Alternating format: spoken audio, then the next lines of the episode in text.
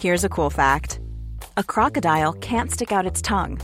Another cool fact you can get short term health insurance for a month or just under a year in some states.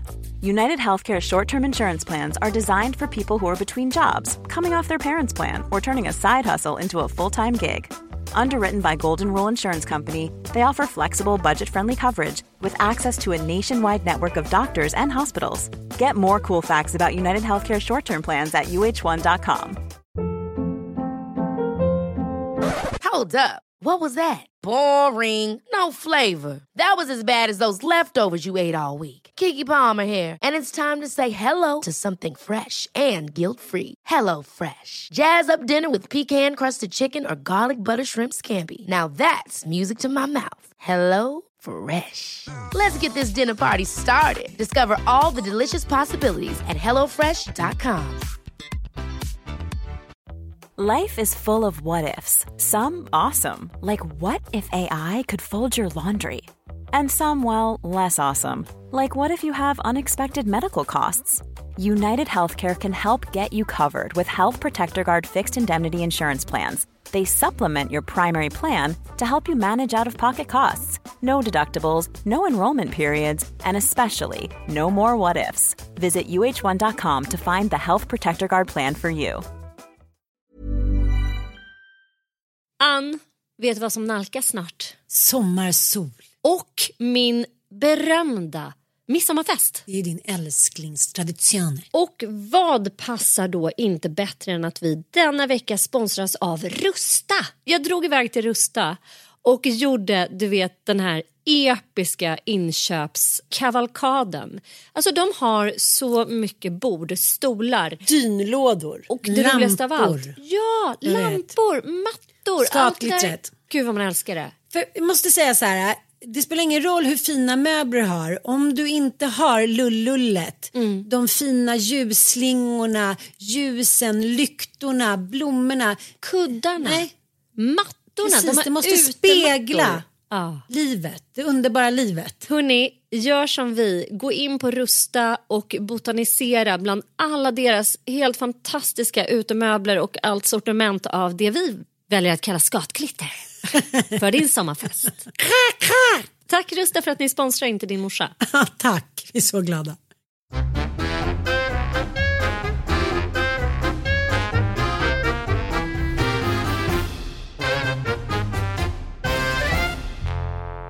Hej och välkomna till Inte din morsa. Hejsan svejsan. Här sitter vi, båda lite hesa. Ska du aldrig... Du har blivit som en sån här rockstjärna. Du är så ständigt kroniskt hes. På turné vet du. Jag är bombsäker på att vi har haft en omgång av RS-virus där hemma. Folk som har varit supersjuk, bara en hosta som en här gammal rökar. Christer Pettersson och eh, ja, Lollo har också legat förankrade i typ åtta dagar. Vi har coronatestat.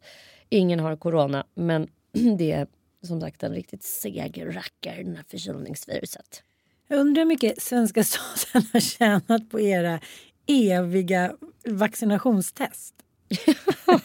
Tyvärr är det nog inte svenska staten som har kammat hem på dem utan Nej, snarare privata aktörer som har varit Ja, tänk då som hade så sinnesnärvaro och direkt började tänka dollartecken när det är liksom det, det är där man kan se så här rikedom genom historien. Att de som bara direkt som eh, såna adapters bara direkt så här okej nu har vi ett världskrig. Kan vi leverera järn? Ja det kan vi. Då, kan vi börja tillverka filtar? Alltså när man bara ja, direkt har en sån där anpassningsförmåga. Man profiterar på Profiterar. andras lidande. Ja, eller på andras så här, förlamning av oro. Och tänker att så här, men här går det också att göra pengar. Det går att göra pengar i alla, i alla lägen. Typ. Mm. Någon som gjorde pengar på, på människors lidande var ju Pablo Escobar. ja, det gjorde han. Och när jag satt upp i natt och höll på med mina kursbrev. Det är en väldigt märklig känsla som infinner sig när man är vaken så där länge. Det är lite som en så här lawless. Man blir lite så här Pablo Escobar-känsla. Man känner sig ung, Man kommer ihåg när man var så här uppe sent och satt och jobbade, hade tentor, jobbade på Expressen så här. Åkte hem halv fyra på morgonen i en taxi och sådär. Eh, jag kan tycka att det finns någonting härligt med det att bara så här superaktivera hjärnan under många, många, många, många, många timmar liksom. Eh, jag känner mig viral, vital, viril. men då hörde jag den helt fantastiska historien. Du vet när man blir så här, nej men det här är för roligt för att vara sant. Och då tänkte jag, jag måste säga det till Sanna som du säger till dig. Eh, ja, men de flesta vet väl en, vem eh, Pablo Escobar var. Han var ju eh, ja, men världens mest kända eh, Knarkkung. knarkkung från Colombia var annars. Och han bodde då på en ranch och eh, där hade han eh, ett gäng hippos. Flodhästar. Precis. Såklart han hade. Ja, men du vet, eh, människor med stålar. Det, du kommer ihåg Michael Jacksons Bubbles. Ja, det ska köpas exotiska djur. Ja, det ska liksom, det ska bara toppas. Det är lejon och det är... Men berättade inte jag för dig när jag var på den här lunchen i Saint-Tropez i somras med den här äventyraren? Och satt bredvid en rysk oligark. Jo, hade han några speciella arter? Ja, men han började visa, han såg att jag hade en häst på min, på min skärmsläckare. Och han sa oh you like animals. Eh, yes, No, I hate do." animals. han bara oh look at my little chubbies. Och så visade han upp sina sibiriska tigerungar som han hade i sin, sitt poolhus. Ja, jävligt skabbigt faktiskt. När de kom då, eh, ni som har sett tv-serien på Netflix, så det är klart att så här, allting avpoliteras ju. Det är inte så här, okej nu ska några andra glada laxar bo utan det är så här, hej hej nu, nu skjuter vi alla, de som inte skjuter så här, skickar vi in i finkan på livstid. Så det blev ju, alltså ranchen övergavs ju liksom. Det var inte så att hans fruga bodde kvar och barn och sådär. Och där lämnades då de här flodhästarna till sitt bisarra öde. Det här var ju då eh, 1993. Då blev vi liksom, han blev ju mördad, alltså han dog ju under skottlossningen. Liksom. Och eh, det roliga är att då var det 35 stycken. Jag tycker det är ganska så här, men ett, ett ganska starkt antal hippos på en ranch. det är inte fem, det är inte liksom... Jag tror man har en ganska utvecklad besatthet vid hippon som man ska ha 35 stycken. De är jättestora. Men här, få över dem. Man får över dem, skeppa hem dit dem, tar dem genom så här Amazonas djungler typ. Ja, 35 hippos hade han och så dog han. Ja, det är kanske inte säkert att han så tullade killarna Kina. Han hade nog eh, en annan transport, olaglig sådan. Precis. Ja. men det var 35 glada hippos och nu har de då förökat sig såklart för de lever där på ranchen någon form av så här, nihilistisk wildlife och försöker så här, överleva och de som bor liksom i orterna kommer ju med lite mat och sådär. Liksom. Men nu har de här galna rackarna förökat sig. De, de har beräknat att de är så här, mellan 65 och 80 glada hippos. Och, eh, nu är det liksom ett gäng forskare som har varnat för så vad det här kan leda till. Så de börjar så här, outnumbered. Det är så invasiv art som typ tar över hela Colombia. ja, och eh, då har de så här, kontaktat då en advokat och vill då ja, men, sk- skjuta några av, liksom i stammen så som det går till även i Sverige med vargar och allt vad det är. Liksom. Det där finns en speciell uträkning. Liksom. Och eh, nu har de ju börjat sterilisera några av de här. Eh, jag tycker bara det låter så gulligt, det är liksom en saga. Men jag tänkte, ska man skriva sagan om så här, knarkkungens hippos? Ja, varför inte? Ja, men det är också väldigt gulligt att så här, det han lämnar efter sig som på något sätt det mest livskraftiga den mannen lämnar efter sig.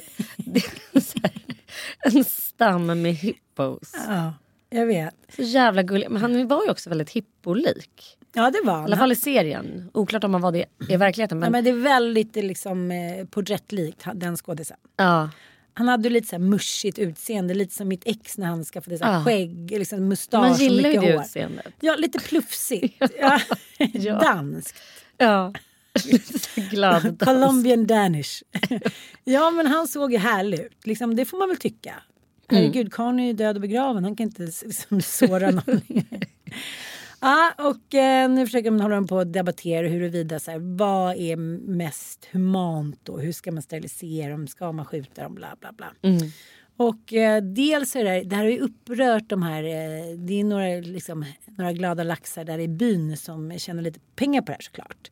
För det är ju turister tycker det här är skitkul. Så de kan dit så kan de köpa liksom, ja men tishor, en liten kopp på så här Escobars hippos. Ja. Det skulle man ju köpa. Ja, klart man skulle. Man skulle ju åka liksom land och rike runt kommer för att komma dit. upp. Så nu har då någon amerikansk djurrättsrörelse så här, nej man kan inte göra så här mot djur. Man kan inte bara här, sterilisera dem och ta dem från sin, sitt underbara hus liksom där och Escobar. Så nu har de då i American law fått liksom eh, någon attorney bla bla bla att klassa de här eh, hipposarna som människor. Jaha. För om man då eh, liksom blir klassificerad som människa då kan man ju då, då är det ett övergrepp om man steriliserar eller tvångsskjuter och sådär. Ja, jag jag Men tycker det här är inte i USA. Nej, de har ju då eh, fått till det här då i USA så att man vet inte riktigt vad Colombia och USA, det, det har ju varit lite Mm, lite stela skakigt ibland. Eh, så att eh, ja, vi får se. Eh, de, de är liksom det som då det sättet förstått att de är så här like interesting persons. Att de är så antagligen Okej, så de går under speciallagar för att de är så här, det finns ett specialintresse kring de här varelserna. Och därför ska de inte då betraktas som djur längre utan som heliga människor. precis, precis. Ja, men som kor i Indien. Liksom. Ja, jag fattar. Jag bara tyckte att det här var så himla gulligt på något sätt. Fruktansvärt gulligt. Ja, och det är, jag känner en stark längtan efter att åka dit. och, Ditt nästa resmål. Colombia. Men det är liksom det är för bra för att vara sant. Så världens mest kända så knarkbaron. Nu är det så här 80 liksom, eh, hippos som går omkring där och lever sitt glada liv. Mm, inne i hans lyxiga sovrum Ja. och ligger och badar. Och. Snortar och... Undrar hur mycket så här, kolarester som finns på hans farm. Det är kanske därför den här stammen är så livskraftig. de bara så här, Han bara, så här, de bara badar i kokain och har blivit så här... Vad heter det? De har fått nya genetiska koder på grund av att de har så dopat sig hela sina liv. De var så här jättenopedonis med så starka spermier som bara så här... Men det där, vi som pluggar om, eh, vi är ju inne på just eh, Vi har ju gjort en tenta nu. I de senaste två veckorna har ju, i min eh, hjärna är ju då bara liksom så ockuperad av substans, substanser. Illegala substanser. Vi har ju tentat. Eh, för er lyssnare som inte redan har hängt med i det och fattat det så pluggar vi på Bergströms utbildningar till anhörigterapeuter. Och det är inget, inte vil- vilket anhörigskap som helst som åsyftas förstås utan det är ju anhöriga till substansmissbrukare eh, eller substansberoende personer. Och eh, därför har vi då gjort en tenta nu där vi har läst allt om kokain, heroin, opiat, opiater, anabola. Shit, det finns typ 2000 eh, heroinsorter. Ja.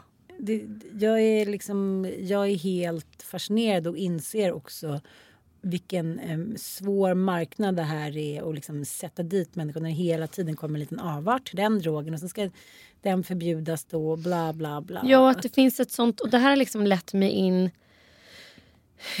på Flashback-forum. För vi hade ju liksom... Flashback och familjeliv klockan fyra natt. Alltså Flashback man måste ju älska. Det finns ju en podd som ju heter Flashback Forever som ju är världens roligaste podd. kan jag verkligen rekommendera. Där, man liksom, där man undersöker och analyserar Flashback-trådar eh, där vitt skilda ämnen då diskuteras.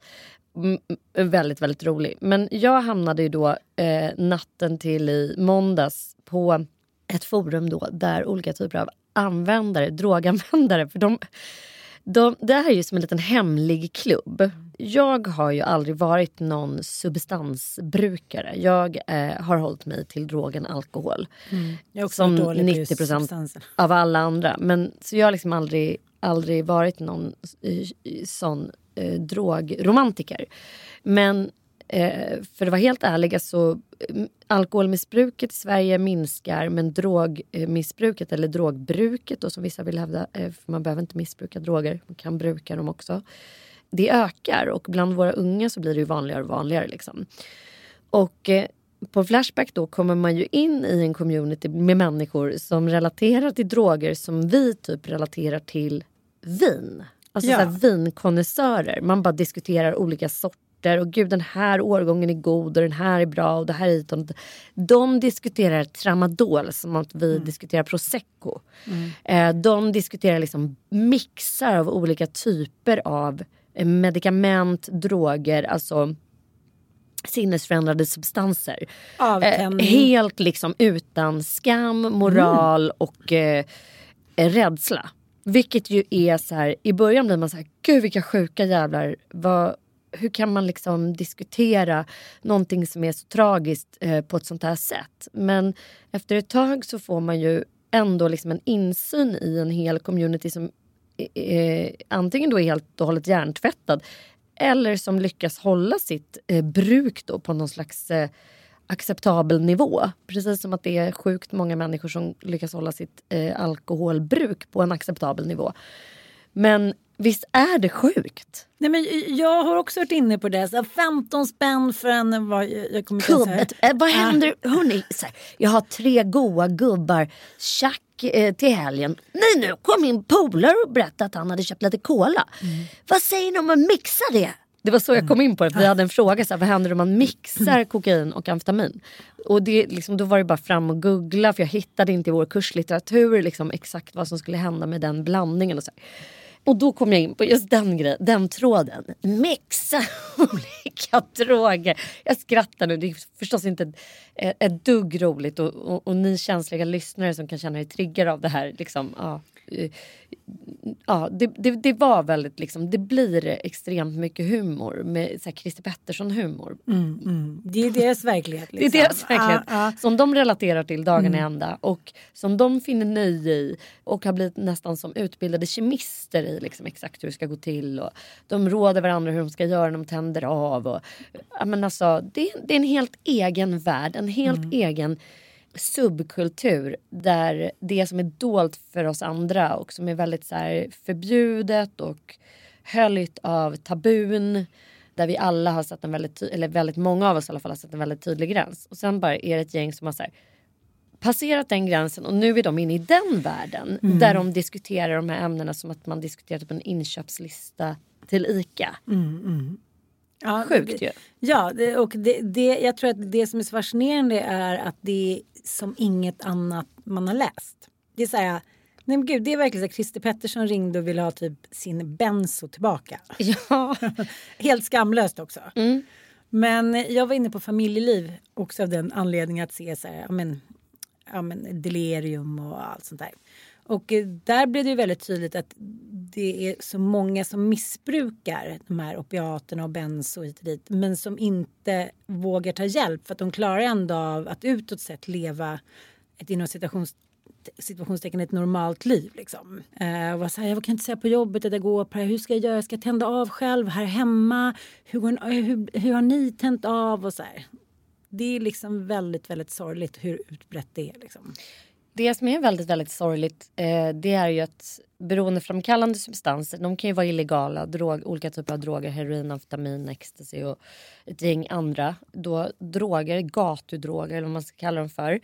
Men sen har vi ju då hela det här, eh, hela den här faunan av förskrivna droger alltså som är precis lika beroendeframkallande, som är precis lika liksom ger precis lika hemska avtändningar. Och då pratar jag om då opiater, smärtstillande mediciner, kodein, olika typer av morfinderivat och så här, som ju jag har fått det när jag har haft olika typer av liksom, ja men allt ifrån när jag födde Olga, jag tycker det var så sjukt när jag gjorde liksom akut kejsarsnitt och fick ha så här jag var ju sjuk och hade blodförgiftning och var ju så otroligt, otroligt sjuk i liksom dels inför mitt kejsarsnitt men sen också veckan efter. Och då fick jag ju ha en sån här liten morfinpump, typ ett dropp där man bara säger I need more, Tsch, liksom. Så min första vecka i livet med den här lilla bebisen var jag ju i stort sett hög som ett hus. Liksom. Och sen skulle jag ju då få trappa ner och åka hem. Och bara efter en veckas morfinanvändning så är man ju, blir man ju abstinent. Eller inte alla och alla, det besvärar inte, det är jätteindividuellt. Men jag fick ju verkligen abstinenssymptom.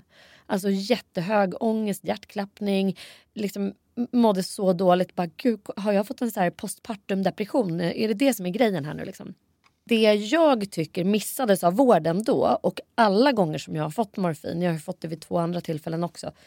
Eh, när jag haft blodförgiftning av så här, njurbäckeninflammation. Då hade jag också så här, en vecka på sjukhus på intensivvårdsavdelning.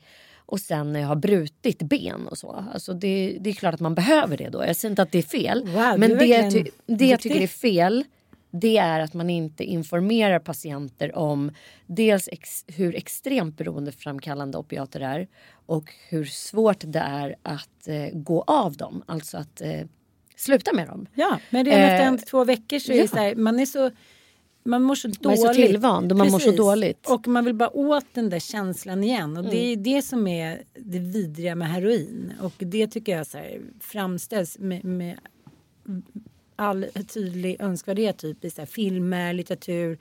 Att när någon tar heroin första gången som har liksom hög ångest. Mm. Vilken euforisk befrielse det blir. Mm. Och eh, de här eh, liksom, preparaten eh, kom ju till västvärlden på 60-talet och sen dess har ju det liksom eh, varit så här, en ekonomisk och så här, social misär. Det är en stor jävla pandemi i USA av framförallt eh, opiatmissbrukare. Alltså det vill säga förskrivna läkemedel mot smärta. Och eh, Prins dog av det här. Alltså alla de här eh, dödsfallen. där det är så Michael här, Jackson. Michael Jackson. Alltså, det här är ju otroligt utbrett och det är jättemånga som dör av sitt op- opiatmissbruk på samma sätt som man dör av eh, illegala droger. Så det, jag blev så, jag fick sån jävla respekt inför det att det finns massa människor i vårt land som vi, när jag sände Karlavagnen för två veckor sedan då gjorde vi ett program om beroende och då var det flera som ringde in som också just hade ett opiatmissbruk. Någon kvinna som hade brut, eh, bytt höftledsprotes. En så här, kvinna i 60-årsåldern som aldrig har någonsin liksom haft något missbruksproblem och som sen får liksom 15 år av sitt liv helt alltså, helt förstört i stort sett. Och egentligen för alltid förstört för att hon säger att hon aldrig kommer komma till en punkt där hon känner samma glädje som innan. För det drogerna gör är ju att kidnappa hjärnans egna liksom dopaminsystem som gör att man känner lycka, som gör att man känner glädje, som gör att man känner olika typer av kroppseget eh, bedövning. Liksom. En, endorfinkickar och så. Alltså, har du gått på droger eh, under en lång tid så är hela ditt system, ditt egna system av lyckohormoner är överkört. Det är liksom Och- en bestående hjärnskada på ett sätt. men det är ju det. Och det, det kan läka men det tar sjukt lång tid. Och under minst ett år efter avslut eh, av drogintag så har man ju så postabstinens. Och ett jävla, nej, jag fick sån respekt av att läsa det här. Jag bara önskade att så här, varför finns inte den här kunskapen ute? När vi var barn och gick i nian då hade man så här, någon liten drog och alkoholdag och så kom det någon så här gammal heroinist utan tänder eller någon så här tjackis som berättade lite som man kunde identifiera sig noll med. Det hade ju varit så mycket smartare om det hade varit liksom en ung 25-årig kille som hade liksom varit tramadolmissbrukare eller någon som man i alla fall kunde relatera till. Så här, fullt fungerande människa som slungas in i en ond spiral av missbruk som man kanske inte riktigt har valt själv heller om man får då såna droger förskrivna till sig.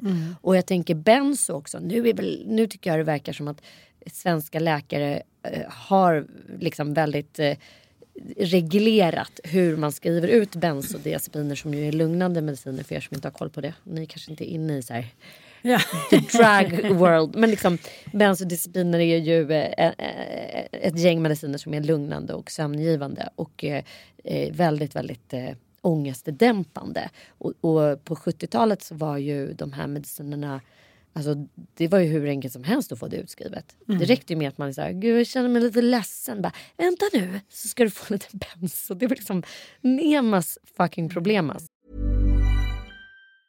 There's never been a faster or easier way to start your weight loss journey than with PlushCare.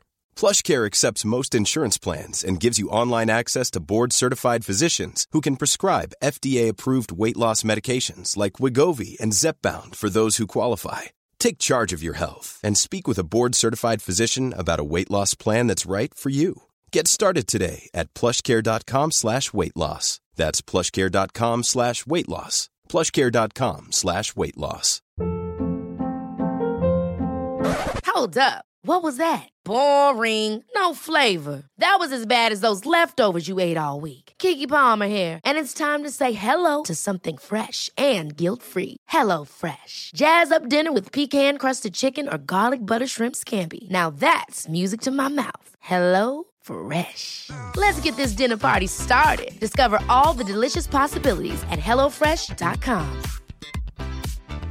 Quality sleep is essential. That's why the Sleep Number Smart Bed is designed for your ever evolving sleep needs. Need a bed that's firmer or softer on either side? Helps you sleep at a comfortable temperature? Sleep Number Smart Beds let you individualize your comfort so you sleep better together. JD Power ranks Sleep Number number 1 in customer satisfaction with mattresses purchased in-store. And now, save 50% on the Sleep Number limited edition Smart Bed for a limited time. For JD Power 2023 award information, visit jdpower.com/awards. Only at a Sleep Number store or sleepnumber.com. Many of us have those stubborn pounds that seem impossible to lose, no matter how good we eat or how hard we work out. My solution is PlushCare. PlushCare is a leading telehealth provider with doctors who are there for you day and night to partner with you in your weight loss journey. They can prescribe FDA-approved weight loss medications like Wagovi and Zepbound for those who qualify. Plus, they accept most insurance plans. To get started, visit plushcare.com slash weight loss. That's plushcare.com slash weight loss.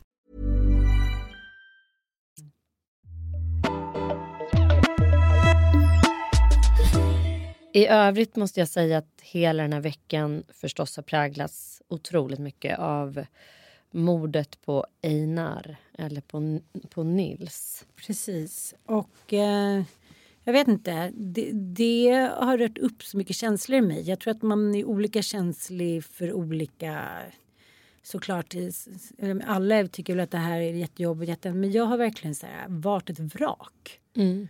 Eh, jag tror att det, här, det, är klart att det handlar om att det ligger nära och att man ser ut liksom ett mammaperspektiv. Men eh, jag bara liksom råheten, en så ung kille. Och liksom säg, säg vad ni vill, han bad om det, han liksom han utmanade hit och dit. Jag skiter i det. Ingen ung människa ska bli behandlad på det sättet. Förnedrad, kidnappad. Och sen, ja, det är väldigt mycket liksom åsikter här i, ute i media. Och det är bra tycker jag. För jag, jag blir också intresserad av all att alla tycker så olika och det skapar en debatt och vi måste ha det. Mm. För det går inte att bara förklara med så här okej okay, de kommer från orten, okej okay, de känner sig kränkta hit och dit. Det beror ju på massa massa saker. Men det var just två krönikor idag som jag eh, fastnade lite extra för. Mm. Jag tycker att det finns, ja men den känslan som jag tänkt på förut är att man vill ju på något sätt inte bidra till att eh, Inars föräldrar ska få se Einar som en posterboy för det här. Att Mm. liksom det enda de ska se att det handlar om är just det här mordet. Men, men det är svårt också att undvika på något sätt. Mm. Eh, men, men eh, det var två eh, krönikor. En ledare i eh, Aftonbladet av Jonna Sima och sen så en då, ja, åsiktskrönika av Attila Joldas. Som jag tycker har mycket bra åsikter. Och eh, först läste jag hans krönika. Och eh, han, han skriver då, jag vill av respekt eh, visa då att jag, eh, har, han ja, väger då, varje ord är nog avvägt och sådär. Ingen människa förtjänar att bli mördad. Samtidigt vill jag prata just om att en ung man, man har blivit mördad på en gata i Sverige. Och han nådde då miljontals eh, liksom, unga människor med sina låtar och sådär. Men han citerar vissa textrader i hans mest kända låtar. Hon och jag är som jag och min Glock babe. Det finns inga andra baby, det finns inget stopp, nej. Redan i första versen i den här hitlåten dyker det upp för första men långt från sista gången referensen till att han bär vapen som han är villig att använda.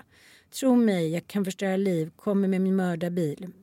Som i låten första klass, om någon testar, han får krut. Och eh, så skriver han, men temat är återkommande hoten, vapnen, våldet och sådär. Och de beskrivs som mer än bara skildringar av händelser i periferin.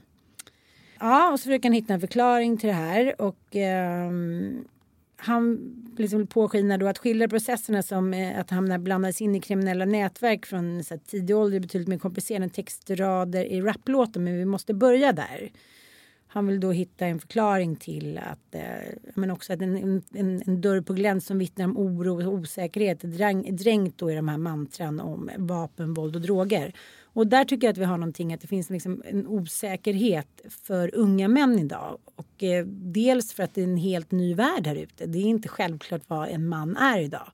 Och dels då liksom bristen på fadersförebilder hit och dit. Men, men det gäller ju inte för alla. Och jag tycker också så här, ja, men när Beatles kom liksom.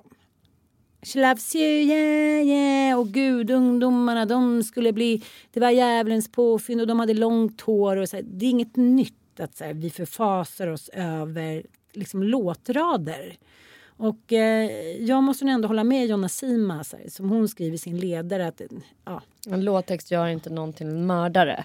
Eller eh, man blir inte mördare av en låttext. Och, eh, jag, jag, håller med dig om att så här, alla ska tycka någonting om det här och det finns någon typ av skam också hos oss vita då medelålders journalister att vi liksom först nu typ vaknar till liv och börjar skriva om det här gängvåldet och att vi förfasar oss.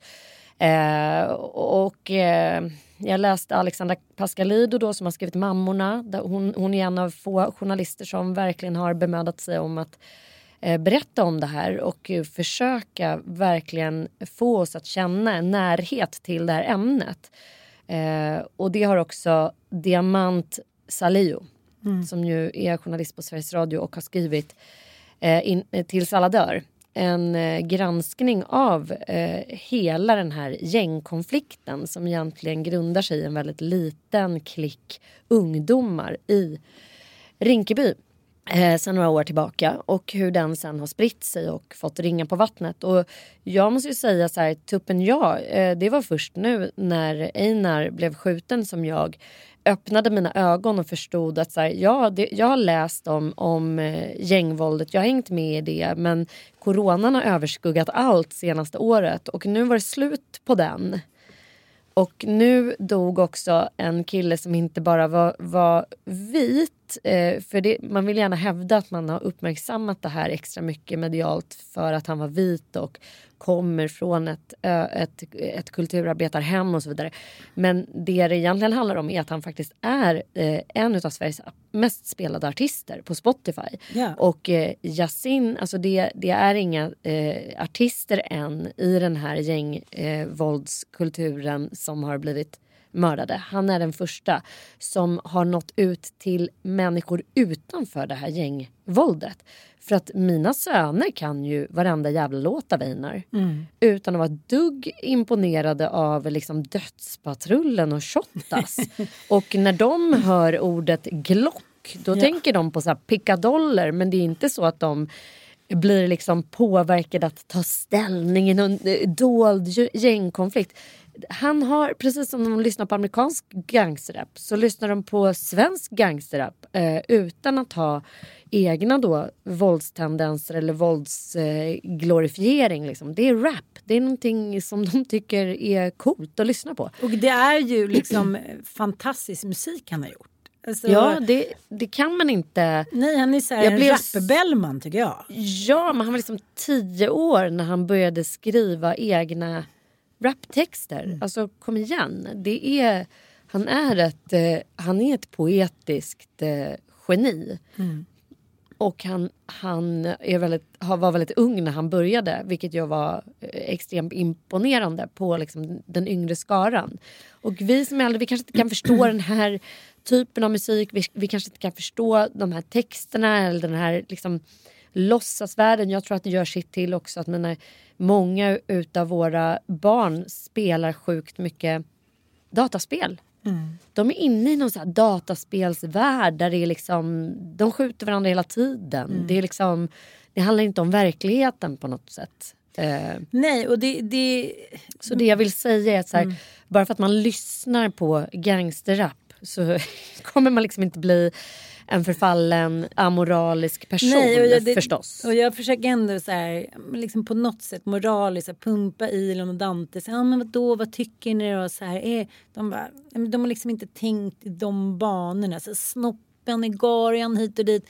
Det är som Frasse och Bobo. bara så här, katten på månen, du är en fånen. Mm. Alltså, jag tror inte att de kommer säga, det var någon som hävdade att då liksom växer de här barnen upp då med en ökad tolerans för mord och... För våld. Ja, det jag kan se, det som jag tycker är stora problematiken är, eh, vilket jag, som är både förförande och tror jag liksom farligt är ju att när man är en ung människa som är begåvad och sätter sig så här klonka lite, eller klonka nu, jag menar inte så, men eh, får en hitlåt, eller det visst vet man ju inte, lägger ut den själv, den får massa streamingar, man blir liksom hetaste katten i stan, man här, får massa stålar helt plötsligt, man får göra en video, så här, oh, jag har lite pickadoller och lite liksom röker på lite.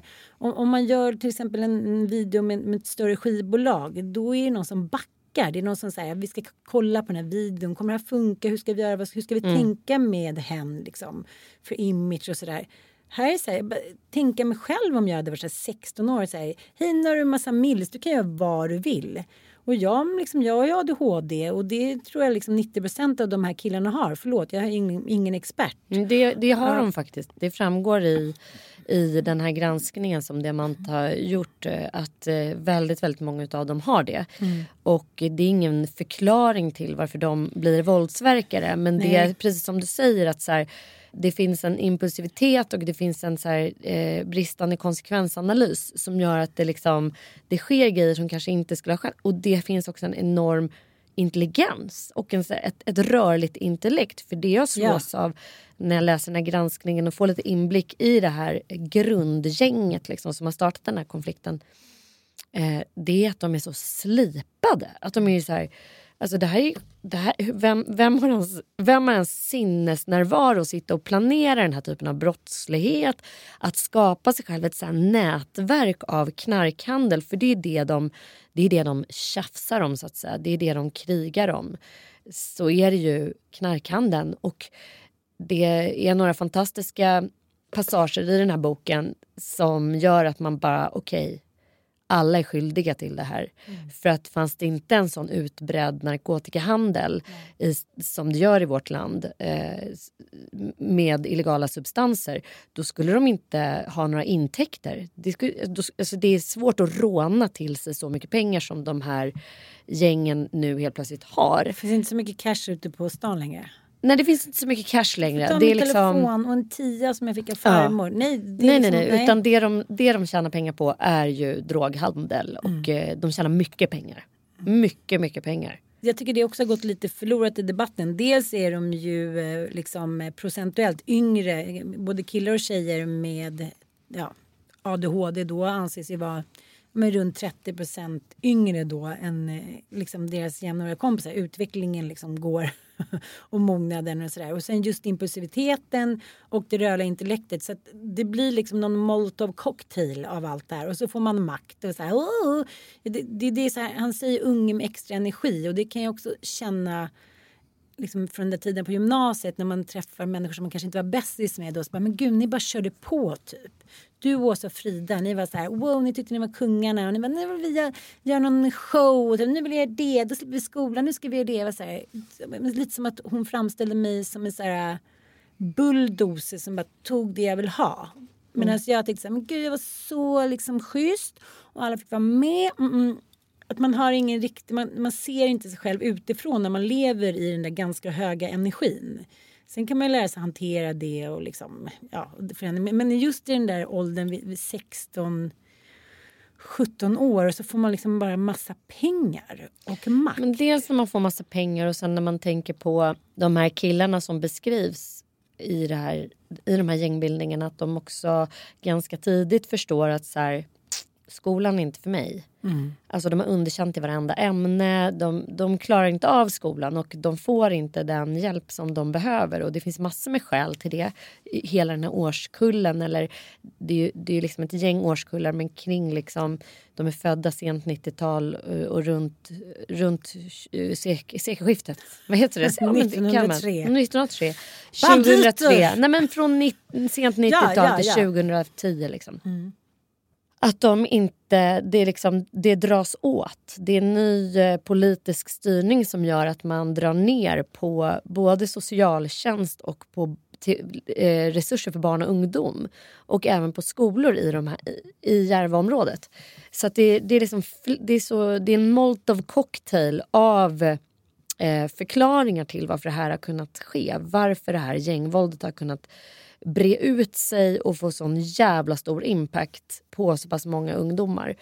Och de här rapartisterna då, varav Einar var en och Yasin var, är, är ju en annan sån känd rapartist som det har uh, varit mycket diskussioner kring och mycket debatt. Så är det verkligen rätt av Sveriges Radio att prisa honom? Är det verkligen rätt att, vi spe, att, att deras musik spelas? Men, och det man vill det jag vill säga det är att så här, ja, för, för de här gängbildningarna så kanske det finns så här, dechiffrerade budskap och kränkande ord. Men för gemene man så är det ju liksom ingen som blir påverkad tror jag, negativt av att höra de här då ibland våldsamma texterna. Det är väl inte mer våldsamt än att lyssna på en Metallica-text eller på liksom Breaking the Law av någon... Alltså förstår du? Det är bara fånerier. Satanismen ja, men så här, Satanismen och svartrocken. Och liksom, nej, men att så här, gå in och, och hävda att, att musikaliska uttryck skulle ha en förflackande moralisk, amoralisk påverkan på ungdomen. Det är ju bara trams. Det är bullshit. Vad hette han? Eh, han svartrocken som så här, skulle käka kött på scenen. Ja, stå med så här, Alice Ja, Cooper. Alice Cooper. Mm, med så blod. Jo men nu garvar man ju åt det när man Mm. ser det men då var det ändå så man tyckte det var läskigt. S- Nu skulle liksom alla ungdomar ska inspirerade till att bli satanister. Mm, Twisted Sister, det var också så här. De uppmanade barn att skolka från skolan typ. Nej, men det, det är precis samma debatt. Och nej, men okej för den här lilla invalda skaran. Eh, de som så att säga har lojal, lojaliteter hos de här gängbildningarna. Ja absolut, där kanske man kan läsa in och förstå texterna annorlunda förstås beroende på vilken kontext man kommer ifrån. Men det som har gjort mig också, som bara, har fått mig att liksom må jävligt illa den här veckan det är det här våldet.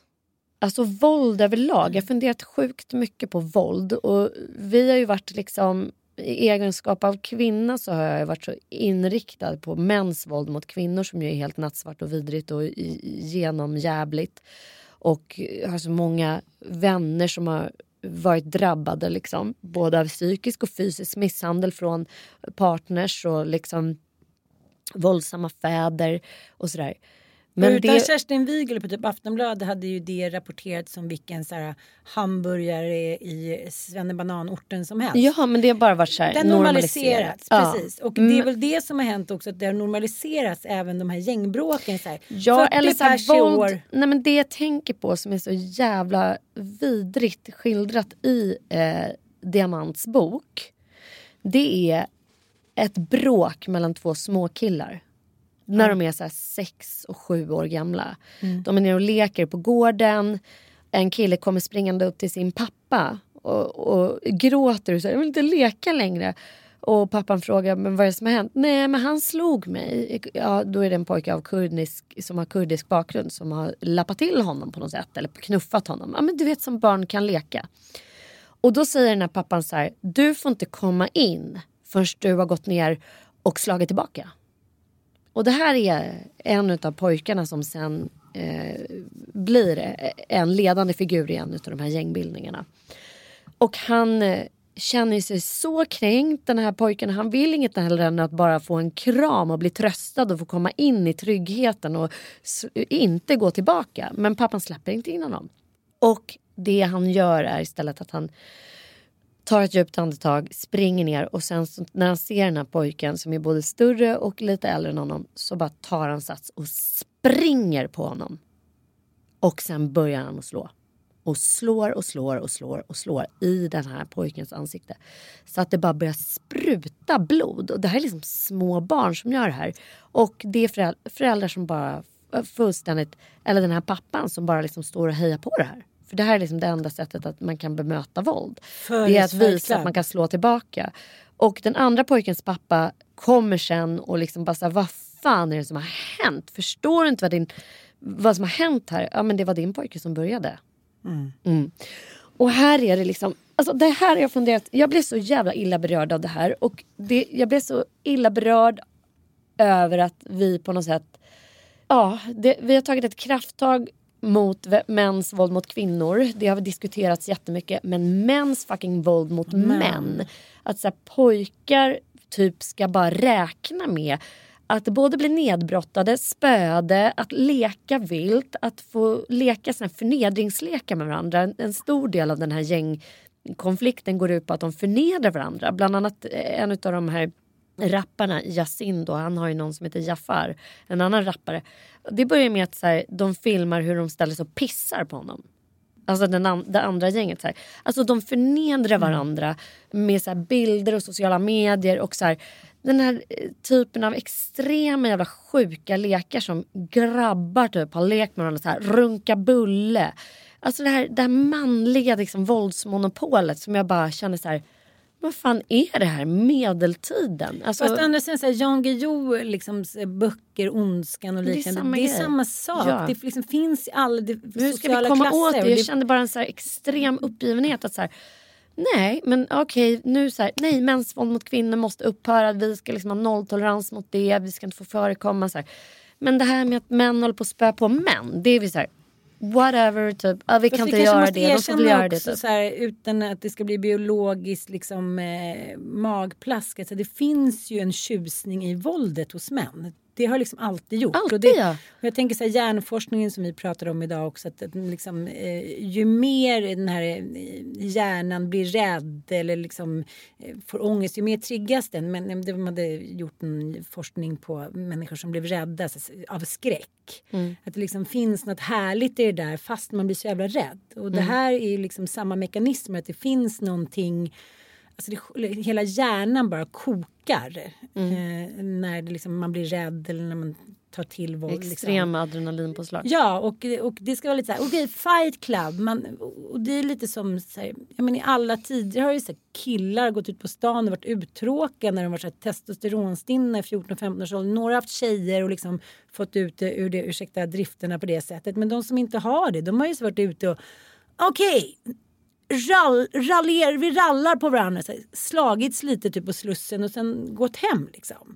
Och eh, det har ju pågått i alla tider så det är väl inget konstigt när man har massa ungdomar som bor i orten. Man bygger upp liksom olika förorter supersnabbt. In, instra- liksom, infrastrukturen hinner inte med. Så helt plötsligt så är det så här 15 år senare så är det så här, liksom hundratals 14-åriga liksom, hormonstinna grabbar som är uttråkade. För det finns inget alternativ. Det finns inga liksom, ställen för dem att vara på. De kanske inte liksom, har blivit intresserade till idrotten när det har varit corona. Och de stora fotbollsklubbarna är inte representerade där. Nej. Det finns liksom inga idrottssammanhang eh, på samma sätt som det gör liksom, eh, De får inte utbildad musikskole, liksom, stipendie. Det är så här, de andra ungarna går till så här pop, poppis och musikskolor och sådana grejer som är roliga som man ändå måste leta upp. Mm.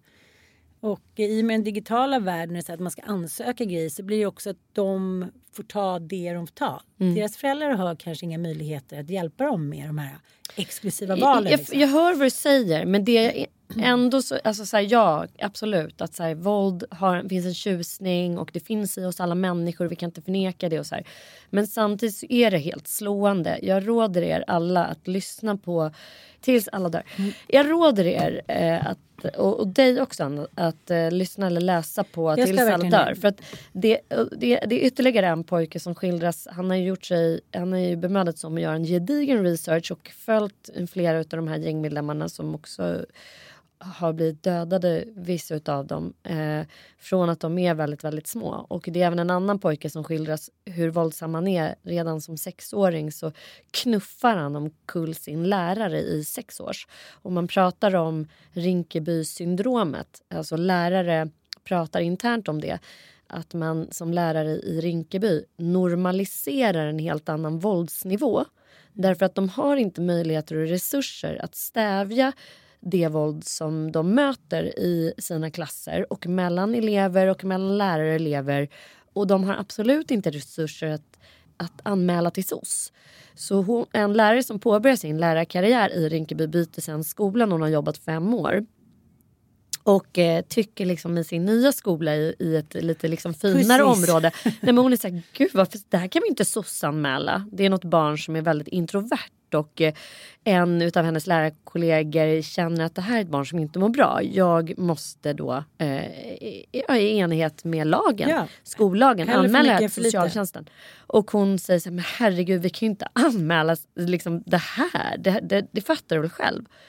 Och sen efter liksom några år i den här skolan så inser hon att hon, hon har liksom normaliserat så mycket som man i så att säga, vanliga skolor eller i andra områden aldrig är okej med. Och det är en förklaring till hur det här våldsmonopolet som de här ungdomarna sen skaffar sig kan växa fram. Eh, Det, det, det är sjukt, det är liksom den, den bästa skildringen om man vill förstå vad som har hänt i Stockholms förorter eller i Sveriges förorter de senaste liksom, 10-15 åren.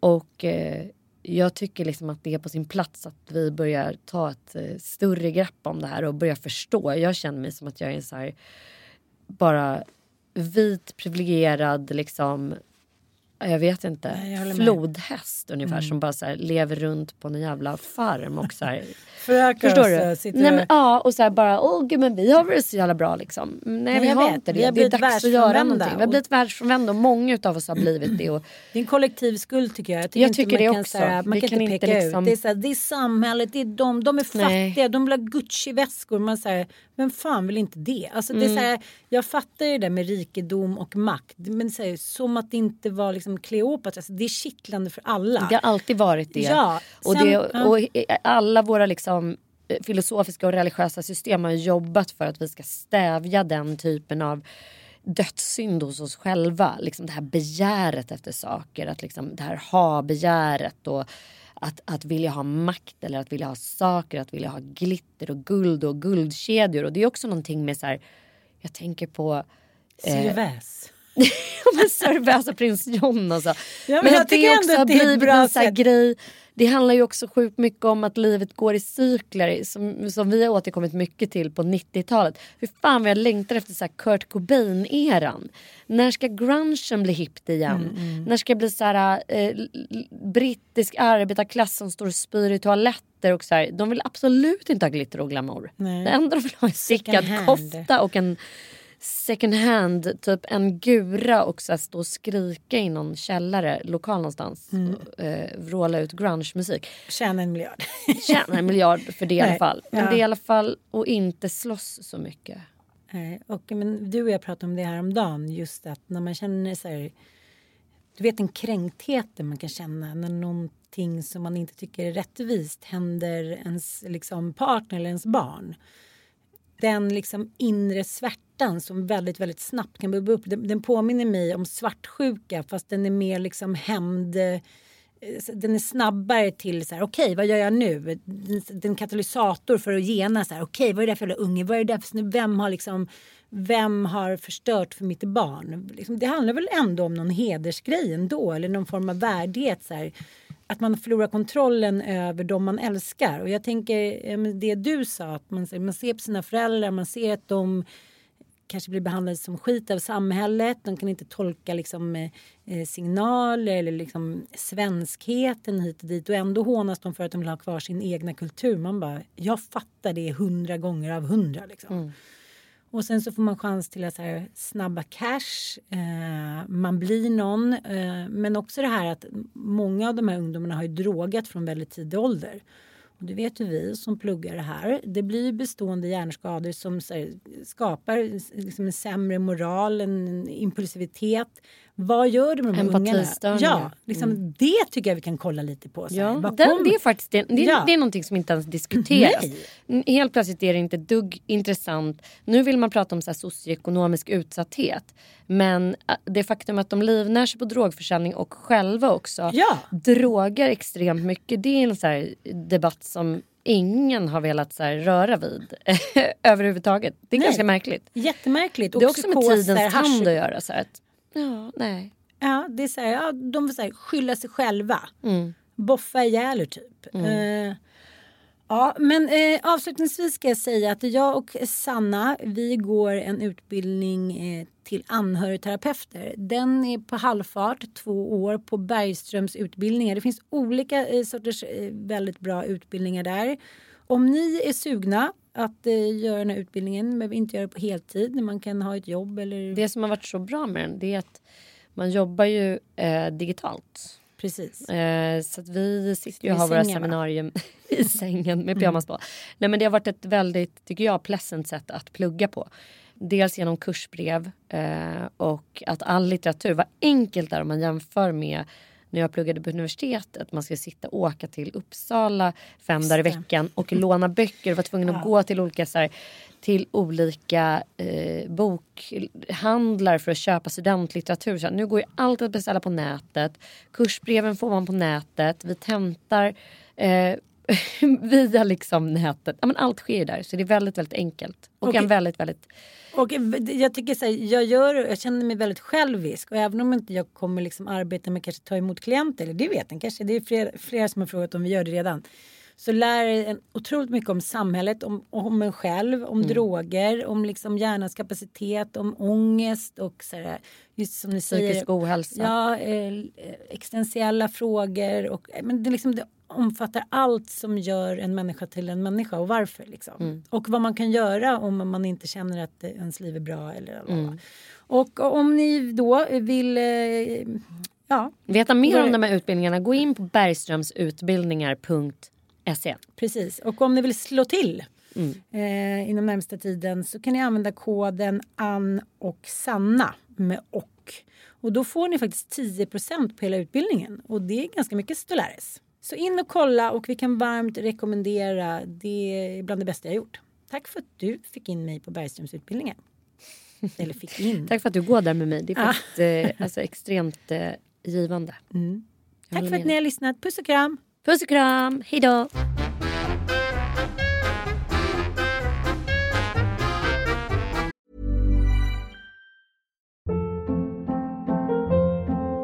Hold up. What was that? Boring. No flavor. That was as bad as those leftovers you ate all week. Kiki Palmer here, and it's time to say hello to something fresh and guilt-free. Hello Fresh. Jazz up dinner with pecan-crusted chicken or garlic butter shrimp scampi. Now that's music to my mouth. Hello Fresh. Let's get this dinner party started. Discover all the delicious possibilities at hellofresh.com. Hi, I'm Daniel, founder of Pretty Litter. Did you know cats tend to hide symptoms of sickness and pain? I learned this the hard way after losing my cat, Gingy. So I created Pretty Litter, a health monitoring litter that helps detect early signs of illness by changing colors, saving you money and potentially your cat's life. Pretty Litter is veterinarian developed, and it's the easiest way to keep tabs on your fur baby's health right at home. Go to prettylitter.com and use code ACAST for 20% off your first order and a free cat toy. Terms and conditions apply. See site for details. Even when we're on a budget, we still deserve nice things. Quince is a place to scoop up stunning high-end goods for 50 to 80% less than similar brands. They have buttery soft cashmere sweaters starting at $50, luxurious Italian leather bags, and so much more. Plus, Quince only works with factories that use safe, ethical, and responsible manufacturing. Get the high-end goods you'll love without the high price tag with Quince. Go to quince.com slash style for free shipping and 365 day returns.